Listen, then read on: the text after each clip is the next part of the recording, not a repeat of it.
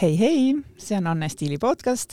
ja kuna märts on Anne Stiilis naiste tervise kuu, räägime ka täna tervisest sarnaselt nagu siis kahes eelmises saates. ja nagu ikka on stuudios äh, koha sisse võtnud üks külaline ja kelleks täna on tuntud podcasti Blondcast juht Katri Teller, tšau. tšau, tšau. kuidas läheb? suurepäraselt. nagu alati vist, sulle vist peale vaadates tundub alati nagu inimene elab, särab ja tal läheb alati hästi, on see nii? tead, kogu aeg ei lähe alati hästi, aga mis siin muud teha on, sellepärast et me ise teeme oma elu ja, ja kui siin niimoodi kogu aeg siis äh, niimoodi kurvastada ja viriseda ja et siis on väga raske elada ja praegu ka eriti just sellel väga keerulisel ajal nagu praegu ma tunnen, et on eriti vaja kuidagi seda, et et me prooviksime leida endas siis seda mingisugust energiat ja rõõmu ülesse, sellepärast et muidu on ikkagi täitsa-täitsa raske. kirjutan alla mm. -hmm. täiesti kahe käega. kuule, aga räägime täna tervisest et äh, meil on siin naiste tervisekuu, ma tean, et sina oled ka enda äh, analüüsid Synlabis andnud yeah.. Äh, sissejuhatuseks kui suur teema nagu tervis sulle üldse on, et ma ei tea, kas sa käid re regulaarselt arsti juures, osaled sõeluuringutes, kõikides nendes, vastad nendele kutsetele, mis tulevad. Mm, kui teadlikult sa enda tervisega tegeled? No ikkagi väga-väga-väga teadlikult, võib-olla isegi äh, pisut äh, nooremana ma olen isegi natukene kaldunud äh, äärmusesse, mida nimetatakse kergeks hüpohondriaks. Mm. ehk siis isegi võib-olla liiga, liiga hoolikalt sellega tegelenud, aga, aga jah, nooremana mul olid siis äh, paanikahood väga tugevad ja põdesin ka depressiooni, kui ma olin siin keskkooli lõpus. Ja tänu sellele võib-olla ma olin natuke selline, muutusin ülitundlikuks ka oma füüsilise tervise suhtes, et, ähm, et see tervis on mulle tõesti olnud siis ääretult oluline. Ja loomulikult ma proovin oma elus teha siis äh, erinevaid äh, nagu tervislikumaid valikuid, alati see ei õnnestu, aga, aga tõesti, et on asjad, mida ma siis alati siis regulaarselt kontrollin ja olen täiesti teadlik nagu sellest, et tervis on üks minu elu suurtest prioriteetidest sellepärast et eh, ilma terviseta meil tegelikult ei ole mitte midagi. ja kõik algab tervisest, on ju. Äh, kas, äh, kas terviseteemad on ka sinu sõpruskonnas sellised äh, olulised, ma ei tea, jutuained? ma olen pannud enda puhul küll tähele, et aasta-aastalt, mida vanemaks saan, seda rohkem räägime sõbrannadega, sõpradega tervisest. see on tegelikult just nii ja me just sõbrannadega naersime ka siin mingi hetk, et, et huvitav, et kas see vanus nüüd kikib niimoodi sisse, et istumegi seal pargipingi peal niimoodi kepikesed käes räägime, räägime oma haigustest. aga, aga see ei ole mitte, mitte nagu see, et me räägime oma haigustest, aga, aga just see, et ikkagi kuidas saab saaks äh, veel paremini, et kuidas me leiaksime rohkem energiat, sellepärast et enam me ei ole ajas, kus siis ähm, kakskümmend kaks on viimane taks või et äh, best before on sul käes, kui sa oled kolmkümmend, et me tahame ikkagi õitseda ja elada võimalikult äh, kaua, aga mitte lihtsalt kaua, vaid ka tervena kaua, sellepärast et see vanus ei loe mitte midagi, kui meil ei ole meie elukvaliteeti. Ja elukvaliteedi annab just nimelt meile ka ülisuures osas meie tervis. ehk siis, et kust leida seda energiat, et millised on on need viisid, et ähm, millega tegeleda, samuti vaimne tervis, et äh, tegelikult ka noh, me ei saa olla füüsiliselt terved, kui meie vaimne tervis on käest ära. et need teemad on tõesti väga päevakohased ja just sellepärast, et äh, me oleme justkui meie sõpruskonnas siis otsustanud, et me tahame ikkagi olla kaua-kaua ja pikalt sellised äh, rõõmsad ja õnnelikud ja, ja kuidagi jah, leida erinevaid siis viise mm. -hmm. rohkem räägitakse ka sellest terminist, et äh, kauem rohkem äh, tervena elatud aastaid. et see on just see eesmärk kõikidel on ju. just, see on väga teema, sellepärast et kui me vaatame, noh, meestel see asi on veel rohkem käest ära ilmselt, aga, aga kui me vaatame näiteks äh, inimesi, kes on siis viiskümmend, kuuskümmend, seitsekümmend, kaheksakümmend, et sealt hakkab väga selgelt juba näha olema see, et millist elu keegi on elanud.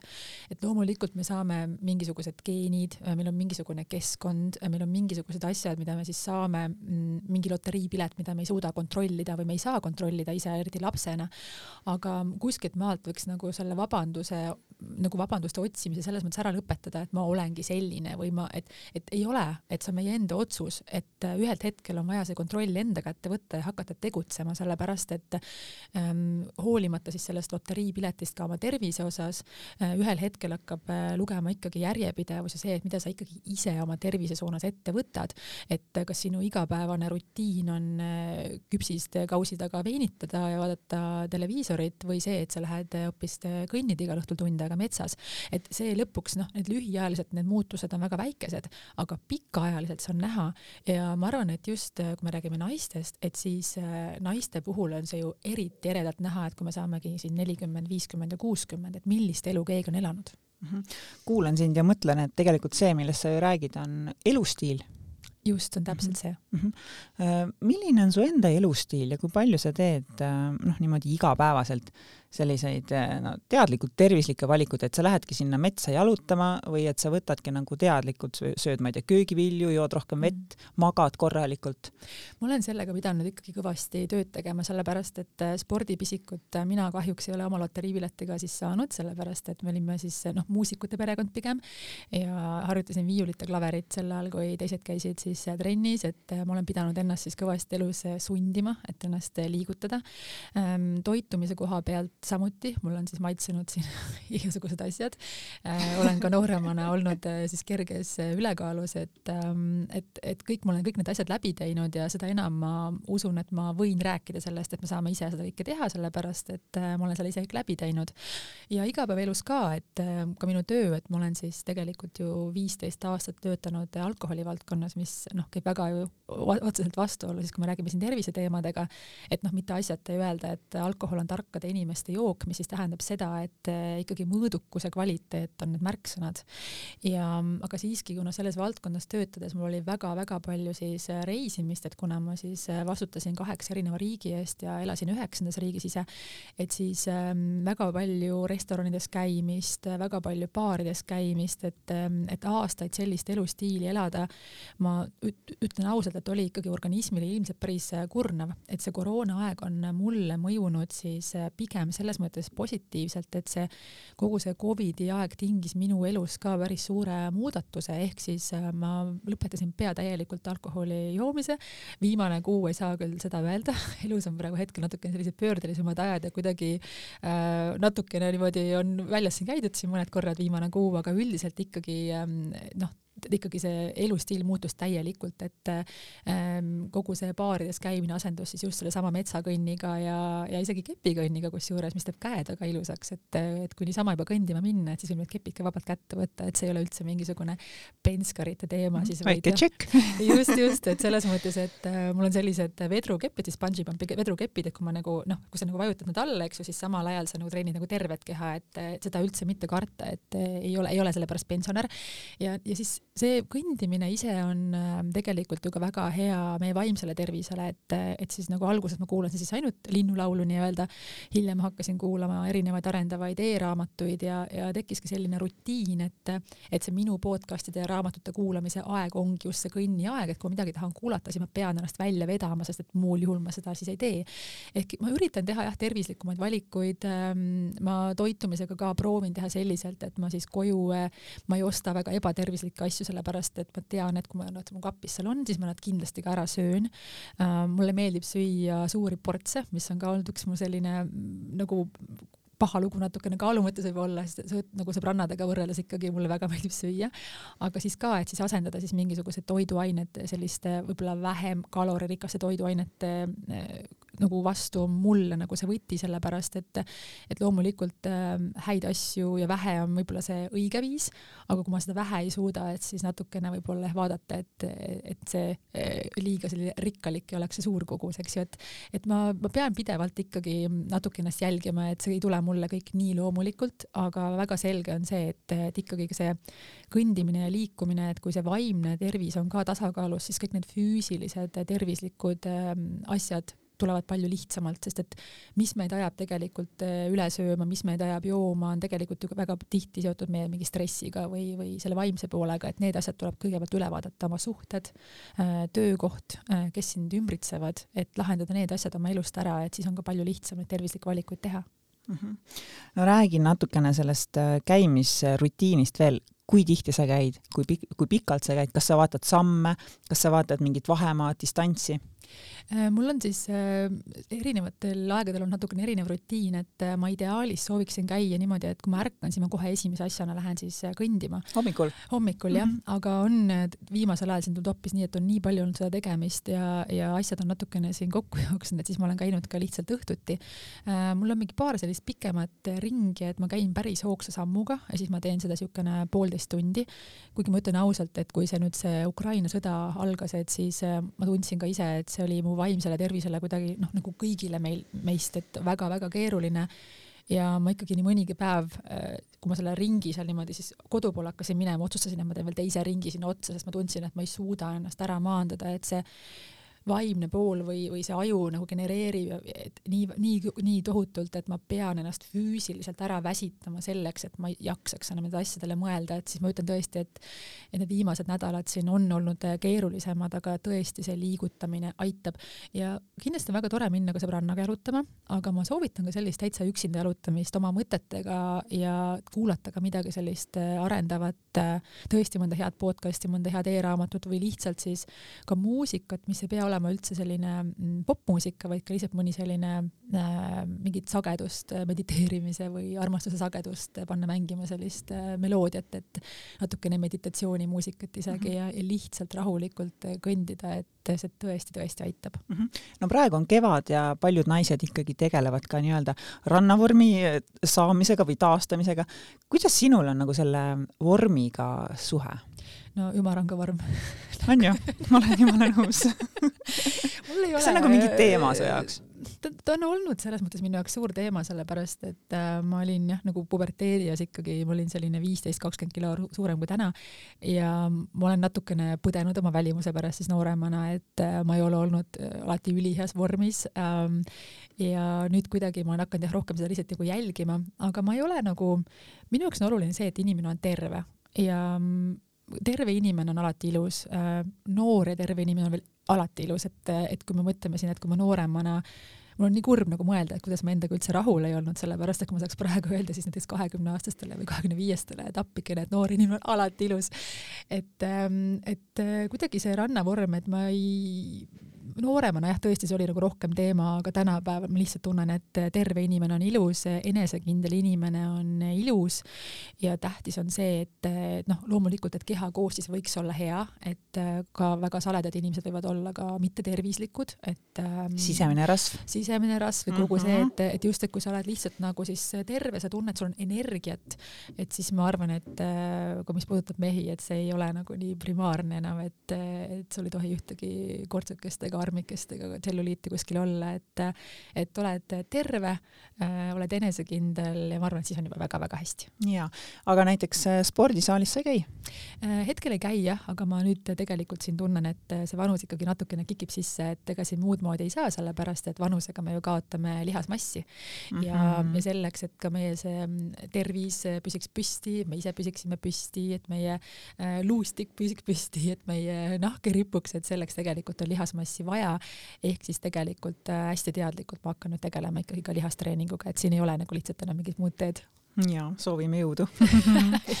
ehm, sa käisid hiljuti ka Synlabis meie ja. selle tervisekuu raames andmas analüüse. Ehm, mis paketi sa sealt võtsid ja mis sa teada said? Äh, ma võtsin terviseriski paketi ja ma võtsin juurde ka siis mõned üksikanalüüsid ehm, just seetõttu, et ma olin kunagi pikalt vegan ja ma ka praegu väga palju liha ei söö, kuigi mm. ma olen natukene nüüd siis, tegelikult ma täna võin öelda, et ma olen kõigesööja siiski, aga ma võtsin sinna juurde siis mõned analüüsid lisaks lisaks ka siis äh, konsulteerides seal eelnevalt arstiga mõned siis äh, ka minu tervist või elu spetsiifiliselt puudutavad üksikanalüüsid äh, oli huvitav teha. ma ütlen ausalt, et tead, ma need analüüsid peaksingi nüüd kätte saama siin alles nüüd Aa, järgmisel nädalal just mm, -hmm. et, et siis ma selle arstiga konsulteerin ka, ma hetkel tunnen ennast täiesti tervena, aga mm, kui ma olen teinud varem ka siis Synlabis analüüse ja ma tõesti olen seal siis käinud üsna regulaarselt, et siis mul varem on tulnud küll välja näiteks sellised sellised asjad, et näiteks D-vitamiin, äh, mis on olnud äh, mul madal, kuigi praegu olen nüüd see talv üritanud siis tõesti neid äh, D-vitamiini kapslikesi siin süüa rutiinselt, et me siin ju ei saa väga seda päikest siin talvel. ja et D-vitamiiniga on mul olnud ja noh, raud on olnud mul selline pigem siis madalas otsas, kuigi ta on olnud nagu normis, et need on olnud need kaks asja, mis mul on, on olnud siis on aga D-vitamiin on olnud see põhiline olnud, et, et seda ma tõesti peaks siis nagu jälgima, sellepärast see on meile nagu nii oluline kõigele meie närvisüsteemile, luustikule jällegi mm. -hmm. et, et ma nüüd vaatan ka, et ma enne siis mingisuguseid ähm, suuremas äh, hunnikus neid vitamiine ei hakka sisse laksima, et, et sellepärast on seal Synlabis need testid teha väga tänuväärne, et kui me saame aru, et mida me peame rohkem toetama, et siis me saamegi hakata rohkem sellega tegelema. ja sa mainisid, on ju, et sa oled enne ka Synlabis käinud muide, kui hea kontakt sul on oma perearstiga, sest tegelikult võiks neid analüüse teha ju ka enda perearsti juures no natukene nüüd kõlab totakalt, aga ma jälle tegelikult käisin perearsti juures vist üle pea kahekümne aasta nüüd tegemas siis Covidi testi ma, mu elustiil on olnud selline, see on olnud nii kiire, et ma olin vahepeal siis, kui mul oli midagi siis viga, siis ma käisin siis erahaiglas ja siis vahepeal ma olin ka väga pikalt elasin Eestist eemal. ehk siis äh, nüüd, kui tuli siis äh, koroona teemasse, et siis ma jälle külastasin oma perearsti, aga ma arvan küll, et nüüd, kui ma olen siin nüüd tagasi, et küll ma seda perearsti siis ka nüüd edaspidi siin ka külastan mm. -hmm. siiski, see on ka selline, äh, selline reaalsus meil siin on reaalsus meil siin on just, aga, aga ma ei ole tegelikult olnud ausalt öeldes väga haige oma elus mm., et, et siin nipet-näpet, siin on erinevaid asju olnud, et loomulikult, et noh, naiste arsti juures ma käin regulaarselt ja ja, ja eks mul mingid nipet-näpet siin on tõesti olnud, aga ma ei ole olnud ka väga nagu tihti haige, et mm -hmm. ma mhm. ikkagi pean ennast üsna terveks inimeseks mm, -hmm. et kui ma mõtlen selle peale, et, et kui tihti osad võib-olla käivad perearsti juures, et mul see vajadus on olnudki nagu nii väike, et siis mul ongi lihtsam olnud äh, kusagil kiiresti ära käia, et kui on mingi probleem olnud, et aga, aga tõesti, et äh, perearstid meil siin, äh, neid peab hoidma ja teevad suurepärast tööd, et,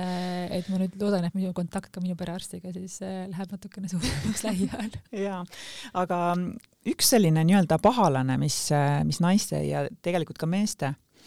Äh, tervis nagu mõjutab ja mingil mõtte, mingis mõttes kindlasti rikub, on stress. milline on sinu suhe stressiga? Oi, mina ja stress äh, oleme mul on äh, stressiga pikad suhted, sellepärast et, et kõik siis nagu, nagu ma mainisin ka siin eelnevalt, et siis juba kooliajast, et tõesti, et äh, kannatasin siis väga tugevate paanikahoogude käes siis, kui keegi veel ei teadnud, millega tegu on mm. ja ma räägin praegu nüüd ajast siis umbes kakskümmend kaks aastat tagasi, kakskümmend neli aastat tagasi. et see oli väga-väga hull aeg, et ähm, mind ikkagi jooksutati ikka korralikult, kuni ma lõpuks olin lihtsalt noh, ma käisin vist, perearst kirjutas mulle järjest kangemaid rahusteid, ei saanud aru, mis mul viga on äh,. erinevate arstide juures, kuni ma läksin neuroloogi juurde, hakkasin seal kabinetis lihtsalt nutma ja siis ta vaatas mulle otsa, ütles, et tüdruk, et mul ei ole siin midagi teha ja saatis mind siis Paldiski maanteele ja, ja siis äh,, siis see teekond algas, mul võttis mitu aastat aega, et sellest äh, lõplikult üle saada, siis äh, mulle siis määra-, öeldi siis, et mul on siis depressioon ja siis väga tugev paanikahäire ma sain selle häirega sõbraks, et nüüd see mind ei kimbuta ja ma eriti, mul on nagu raske uskuda, et see mind kunagi ka kimbutama hakkab, sest ma olen kuidagi selle teema enda jaoks nii läbi hekseldanud, ma olen selle teema nagu nii läbi mõelnud ja enda jaoks nagu nii selgeks teinud. et, et täna ma tunnen, et ma olen ikkagi vaimselt äh, üsna tugev, mis ei tähenda seda, et mind ei ole rivist kerge välja lüüa, ma olen inimesena väga emotsionaalne.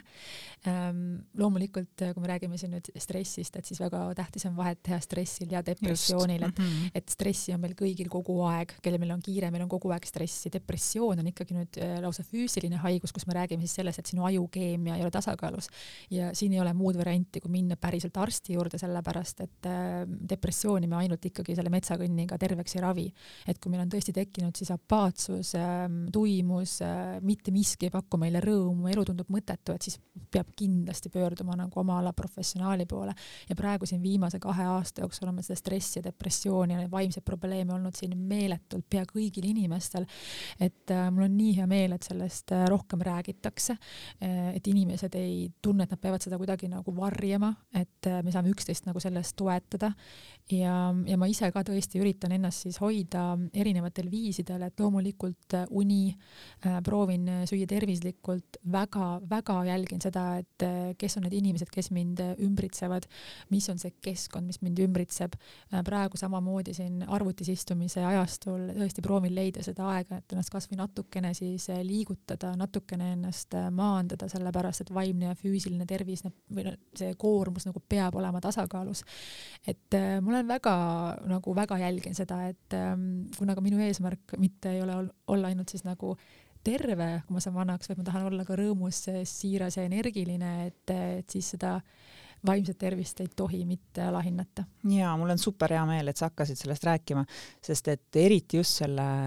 no ongi, meil oli koroonakriis, nüüd tuli nagu selline kriis, mis ma arvan, kõiki meid lõi reaalselt korraks äh, nagu füüsiliselt ka pikali voodisse ja. ja nagu, et, et see on esimene asi, millele mõtleme ju hommikul, ma ei tea, kas kiie, kiie, kiiv on alles, kas vool on alles, kas noh, et kas põhimõtteliselt, kas maailm on alles, eks. et,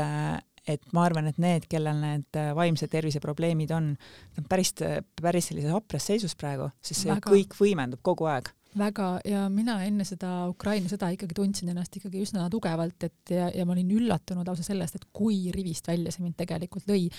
ma ise, kuna ma olen nüüd nelikümmend, et siis ma olen tegelikult elanud ka Nõukogude Liidu ajal, ma mäletan seda aega, et võib-olla paljud kuulajad seda aega ei ole kogenud ja see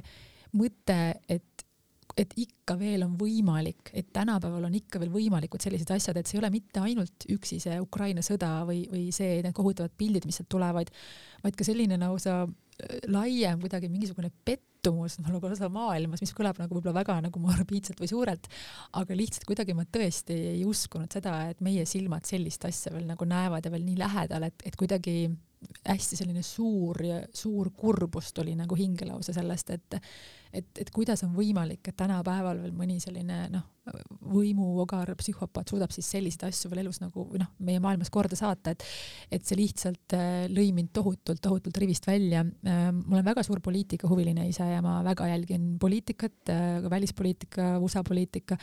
aga ma lihtsalt otsustasin, et ma, ma ei tohi enam isegi vaadata väga uudiseid, mis, ma ei taha nüüd kõlada kuidagi nagu ignorantsena, et loomulikult, et kui on midagi, mida ma saaksin teha, aidata või, või kasutades ka oma platvormi mingit olulist informatsiooni edastada, et see on üks asi. aga just see, et hommikust õhtuni seal uudistes istudes, kui ma saan aru, et ma neid asju ei suuda mõjutada, siis ma ei suuda ka mitte midagi muud teha, ma kahjustan oma vaimset tervist sellega,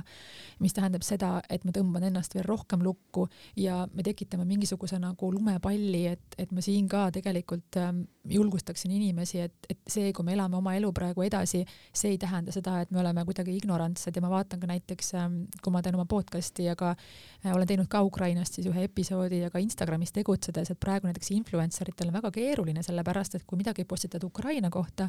siis lähevad paljud su nagu lahkuvad, sellepärast et nad ei taha seda enam näha, sest nad on vaimselt tervi-, neil on vaimselt nagu nii raske ja kui sa paned midagi muud, siis sa oled justkui nagu ignorantne, et, et, et ei tohiks nagu seda tavalist elu ka edasi elada. ja, ja tegelikult see on ikkagi tasakaal, et, ähm, et loomulikult me kõik head inimesed, me saame aru, et me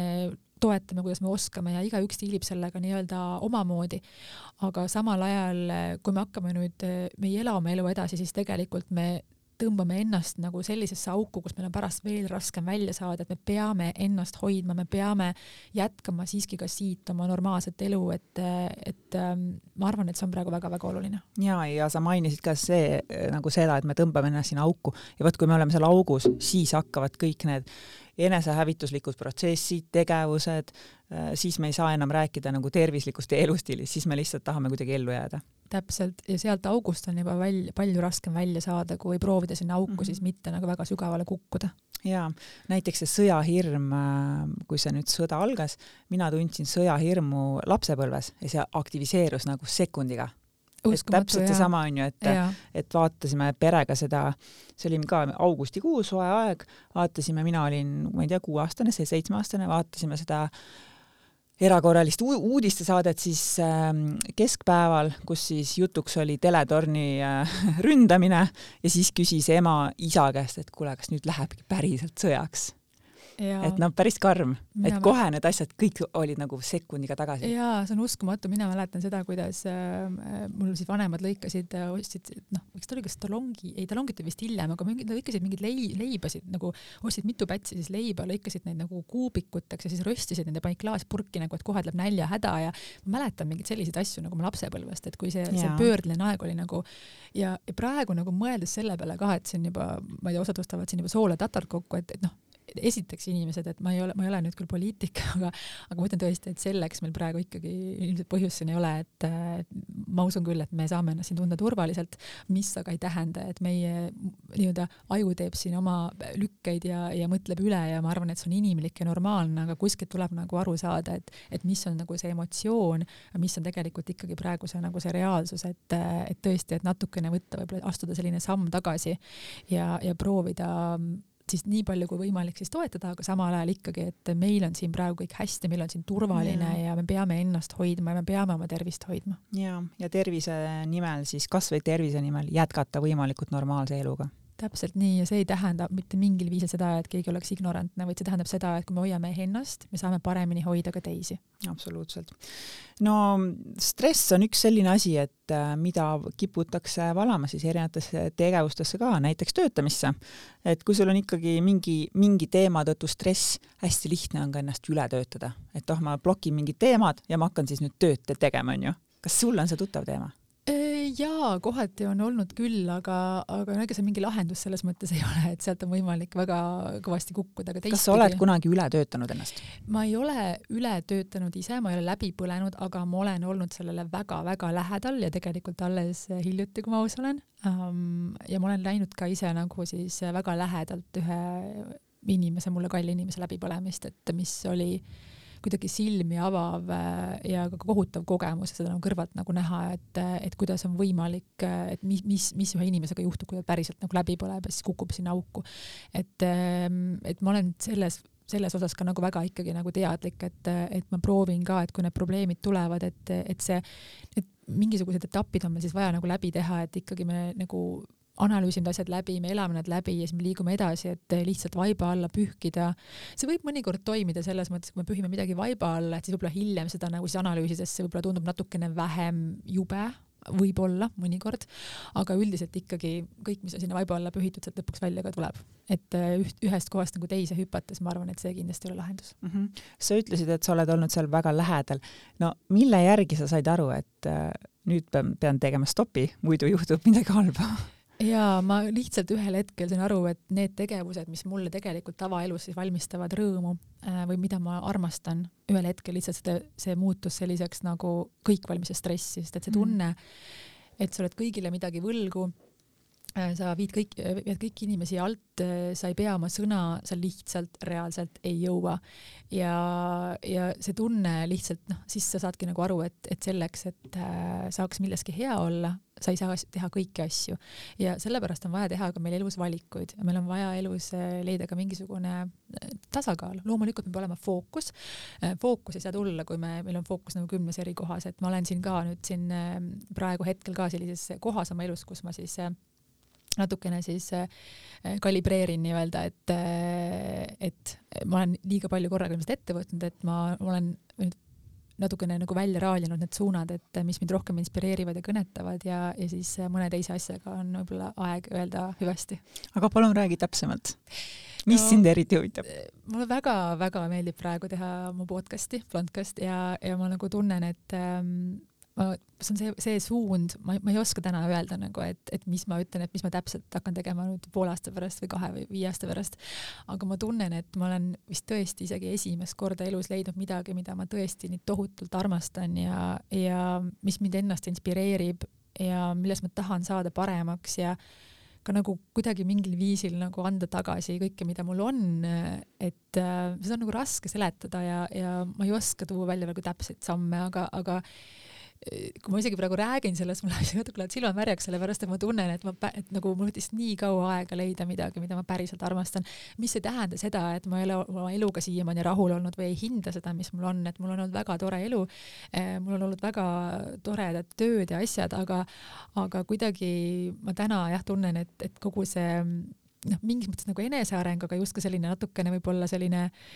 suureks õeks olemine mingil määral või, või otsida viise, et kuidas me saaksime siis just paremaks ja tervemaks ja, ja elada sellist paremat elu, et olla ise siis sellisel nagu otsingul ja samal ajal siis jagades ka seda teekonda, et, et ma tunnen kuidagi, et see on praegu see, mis mul tõesti nagu paneb nagu silma särama ja ja ma ei tea, kuhu see välja kõik jõuab, aga ma lihtsalt tunnen, et see ette võetud rada on õige ja selleks, et ma saaksin seda jätkata, ma lihtsalt pean äh, mingisuguseid teisi asju vaikselt sealt kõrvalt nagu ära kattima mm. -hmm. sind kuulates ma mõtlen, et ähm, sa oled ise ju tegelikult paljudele-paljudele naistele selliseks inspiratsiooniallikaks, seesama su podcast on ju. et, äh, et kes sind inspireerib? mind äh, inspireerivad äh, sellised ütleme, kui ma räägin nüüd naistest, näiteks mind inspireerivad väga palju just naised, kes on leidnud siis sellise tasakaalu ja rõõmu ja mul ei ole ühte kindlat sellist äh, iidolit, aga kui ma vaatan inimesi nagu laiemalt, siis mul, ei ole mingisugust sellist reeglit, et see inimene peab olema tohutult edukas oma töös või, või tohutult ilus või tohutult tark. Ma kuidagi vaatan seda sisemist äh, sära ja kui ma näen, et äh, näiteks naine on leidnud oma sisemise sära või, või ta on näiteks ka just vanusega jällegi, ma jõuan sinna, et kui ma vaatan näiteks, kuidas naised ka vanusega, kahjuks juhtub meis kõigis, nii naistel kui meestel see, et, et me kipume siis ära kibestuma, väga tihti see juhtub sellepärast, et kui me oleme väga noored, siis me oleme hästi siirad ja me ei ole veel elus nii-öelda vitsa saanud. Ja kui me vanemaks muutume, et siis meil on olnud võib-olla mingeid halbu suhteid, halbu töökogemusi ja igasuguseid muid asju et siis meie iseloom võib-olla muutub selliseks natukene kalgimaks ja, ja, ja siis, kui ma näen nagu naisi, eriti just ka mehi, kes on siis äh, jõudnud mingi vanuseni ja on hoolimata sellest kõigest säilitanud sellise siiruse, elurõõmu, positiivsuse, et see on see, mis mind nagu päriselt, päriselt inspireerib. ja see on see, mida mina tahan säilitada nagu hästi kõrge vanuseni, et see ei kaoks mitte kunagi ära, sellepärast et see hoiab meid tegelikult äh, nooremana, see hoiab meid tegelikult päriselt elus. et, äh, et kui ma näen jah, siis Eestis, noh, me oleme natukene siin introvertsemad veel, et et, võib-olla ei ole kombes niimoodi hüppa, hüpata uksest sisse, et tada, ma saabusin. et siis äh, ikkagi see... vastu, Katri on just selline, kes niimoodi saabus täna ja et kuidagi, aga see teeb mind nagu rõõmsaks ja, ja kui ma vaatan nagu sina ka kohe, kui sa ukse peal mul vastu tulid, et, et Mari-Liis täna ka sellise hästi ilusa siis sellise kollaka kampsuniga ja blondide juustega, selline ilus ja särav ja tead mul kohe, nii kui ma nägin teda, mul kohe lihtsalt tuli naeratus suhu. Katri ise muide tuli sellises äh, fukselillas mantlis no ma mõtlesin, et natukene seda värvi ikkagi, ma viimasel ajal tõesti seda, et musta on nagu nii palju, et natuke see värv äkki ka aitab natuke kaasa, et me natukene siin rõõmsamad oleksime. aga kui, aga kui sa küsid, et mis inspireerib, et siis see tegelikult ongi, mis inspireerib, et, et, ähm, et kui me tahame ka teisi inspireerida, et, et leida endas see killuke rõõmu ja nagu öeldakse, et jagatud rõõm on topeltrõõm ja, ja kui me oleme ise rõõmsad, me saame seda rõõmu vastu ja mõnikord lausa katsetada, et kui keegi tundub ka väga kuri, alati see ei toimi, aga väga tihti toimib. et kui olla siis tõesti väga tore ja armas selle inimesega ja siis vaadata, kuidas see inimene päriselt ikkagi lõpuks nagu sulab ja, ja, ja muutub nagu toredaks ja rõõmsaks inimeseks, sest me kunagi ei tea, mis see teise inimese taak on, me kunagi ei tea, kas sellel inimesel oli eile kodus mehega tüli või tal juhtus midagi, et me ei saa otsustada inimese järgi sellepärast, et tal on näiteks üks päev nagu noh, morn, eks ju, et, et kui me näeme täitsa võõrast inimest, et, et anname kõigile võimaluse, aga, aga tõesti see minu jaoks on inspireeriv, kui ma näen naisi, kes on leidnud mingisuguse siis oma asja, oma elurõõmu, nad on tasakaalus, nad on rahul. ma arvan, et see on üks asi, mille poole me võiksime kõik elus püüelda jaa, aga sellise, ma kuulan sind ja mõtlen, et tegelikult on ju nii oluline, mis inimestega me üldse ennast ümbritseme tohutult, tohutult oluline. sõpruskond on ju. et perekonda me ei saa valida, aga me saame valida töökoha, sõp-, sõbrad jaa, täpselt nagu öeldaksegi sõprade kohta, et sõbrad on pere, mida me valime iseenda jaoks mm. -hmm. ja, ja ma olen teinud ka nagu, kuidagi sõbrad või tuttavad minu ellu ikkagi nagu meil enamustel satuvad kuidagi juhuslikult, et sa lähed kuhugi tööle, sul tekib mingi töösõbranna või sa oled mingi mehega koos ja siis sul tekib mingisuguse mehe sõbra mingi naine või, või tekivad kuidagi mingi, lähed kuskile trenni, sul tekib seal mingisugune inimene, kellega rohkem suhtled ja ma ei ole ka terve, mitte kunagi oma elus teinud mingisuguseid teadlikke valikuid, et ma tahan, et see inimene oleks minu sõber või too oleks minu sõber. aga ma nüüd mõned aastad tagasi siis äh, mõtlesin selle peale, kes on need inimesed, kellega ma nagu suhtlen ja kuidas ma ennast tunnen, kui ma nende inimestega suhtlen. ja ma sain aru, et mingid inimesed, erinevad inimesed tekitavad minus siis erinevaid emotsioone, et äh, mul on siis inimesed, kes mind väga armastavad ja toetavad, kui mul läheb nii hästi kui halvasti, mis on oluline, sellepärast et mm -hmm. on ka mhm siin näiteks sõpru selliseid, kes võib-olla toet-, ei toeta sind väga, kui sul hästi läheb, sest tekib ka väike võib-olla kadedusuiss näiteks. et äh, ja, ja kellega kuidagi vaatan, et on meil sarn-, me oleme pisut erinevad kõik omavahel sõbrannadega, aga meil on üks selline võib-olla selline väärtushinnangud suuremas plaanis on nagu sarnased, et me oleme nii erinevate iseloomudega, me teeme nii erinevaid asju, aga just see, et jällegi leida seda rõõmu, seda rahu, äh, pusida oma elus edasi, olla heas mõttes nagu iseseisev, et, et me ei oleks nagu siis äh, me saaksime oma eluotsused teha siis ise,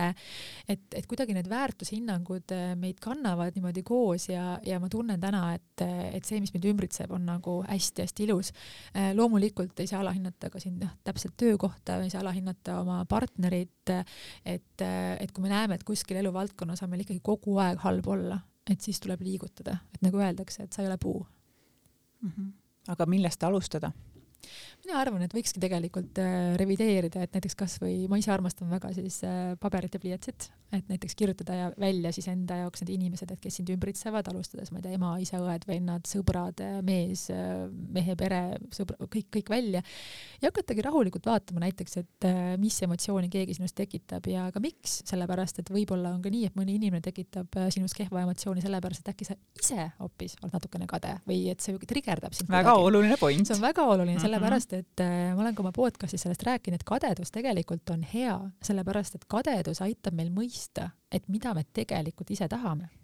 ja, ja see ei ole üldse halb omadus, et, et kui, aga meil on tähtis nagu aru saada, et miks, sellepärast mhm. et see inimene ei ole sellepärast halb, et sa talle kade oled. sa võid aru saama, et okei okay,, tal on midagi, mis mulle meeldiks, siis julge seda endale ka tunnistada, et see on väga-väga okei okay.. aga just, et võib-olla vaadata, et kui on inimesi, kellega sa ei ole sunnitud suhtlema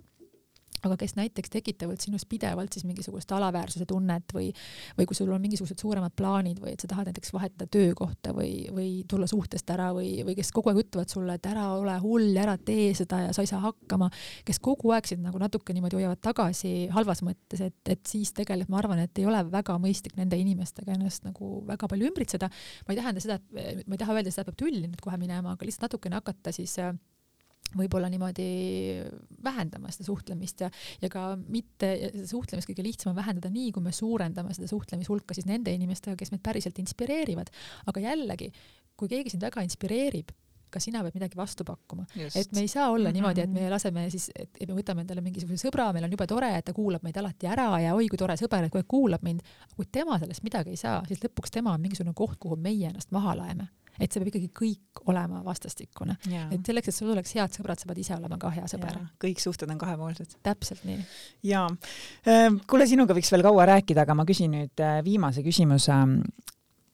sa võid olla ükskõik kui positiivne, ikkagi. maailmas on äh, tu-, tu-, turbulentsed ajad juba ju siis, ma ei tea, rohkem, rohkem kui kaks aastat Ukrainas käib sõda, ilm võib olla kevadiselt halb, ühesõnaga igasugust jama meie elus anna niimoodi kolm head nõuannet, äh, mida igaüks saaks meist teha, et juba täna tuleks parem päev. parem õhtu, parem võib-olla sõltub, millal, millal inimene seda podcast'i kuulab, onju. tea, ma arvan, et eh, me oleme päris palju punkte siin juba tegelikult ka välja öelnud, aga, aga üks nendest ma alustaksingi sellest viimasest, millest me just rääkisime, et, eh, et vaata tõesti siis üle, et eh, kes ja mis sind ümbritseb mm, -hmm. mitte mhm. ainult kes, aga ka mis. ja see missi alla võib kuuluda ka näiteks sinu kodu, et, et kas su kodu milline su kodu välja näeb, kas su kodu on korras, kas sul on seal nagu hea olla, et äh, see keskkond, kus me oleme, mõjutab meid nagu ääretult palju, ka füüsiline keskkond, et äkki sul on hästi mõistlik praegu just tegeleda võib-olla korrastamisega, äh, kõik see vana risu kappidest välja otsida ja, ja ära sorteerida, lahti saada vanadest taakadest, praegu meil on kevad, seda on nii mõnus aeg teha, et et vaadata tõesti üle oma keskkond siis äh, nii füüsiline kui ka emotsionaalne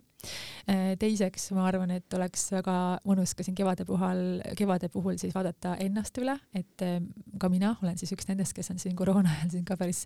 kõvasti siin dressides ringi siiberdanud äh, kruinn kuklas, et, äh, et äh, tegelikult ausalt see enesetunne muutub meeletult, kui panna ikkagi kontsi jalga ja osta endale äkki uus ilus pesu. ma just praegu käisin siin kaubamajas siin paar päeva tagasi ja, ja siis mõtlesin, et tahaks endale osta kohe midagi ilusat, et, et kohe see enesetunne muutub, et isegi kui keegi teine seda ei näe, et sul on võib-olla see ilus pesu seal riiete all, aga sa ise tead ja sul on endal hea tunne ja, ja kasvõi kui peeglisse vaadata, et siis äh, võib-olla natukene isegi seda meiki kasutada või kuidagi, et tekiks endale enda üle hea tunne, hoolitseda nagu siis enda eest igas mõttes, poputada ennast natukene, et praegu, kui meil on siin tõesti need väga rasked ajad, et me peame, me, me peame ennast nagu siis äh, poputama ka ja, ja siin ei ole tegemist tõesti, kordan veel kord, see, see ei ole ignorantsus või me pea, me peame ennast armastama ja teistmoodi me ei saa. ja, ja viimaseks ähm, ma arvan, et, et võib-olla ka tegeleda sellega ikkagi, et nagu kui mina olen siin natukene siin otsingutel, et, et kus ma tahan elus jõuda ja kuhu ma tahan minna, et, et võib-olla on ka selline unistamine kolmas asi, et mõelda siis parematest päevadest, unistada selliselt, et mõnest unistusest võiks saada ka konkreetsem eesmärk ja hakata sinna eesmärgi poole ka vaikselt liikuma. ma arvan, et see ka kindlasti inspireerib ja motiveerib ja annab elule mingisuguse uue suuna, et et inimesed, et kevad, kevad on praegu ja, ja meil natukene siin no tõesti mõni päev natukene siin veel jahedam, aga meil on kevad ja kevad on uued algused, et eh, proovime leida ka mingisuguse uue alguse iseendas. Suurepärased mõtted, aitäh, Katre, et sa tulid. aitäh sulle, Mari-Liis. Ja aitäh ka sulle, kuulaja, et sa võtsid vaevaks ja kuulasid. Ja meie kuulame juba varsti jälle. tšau, tšau..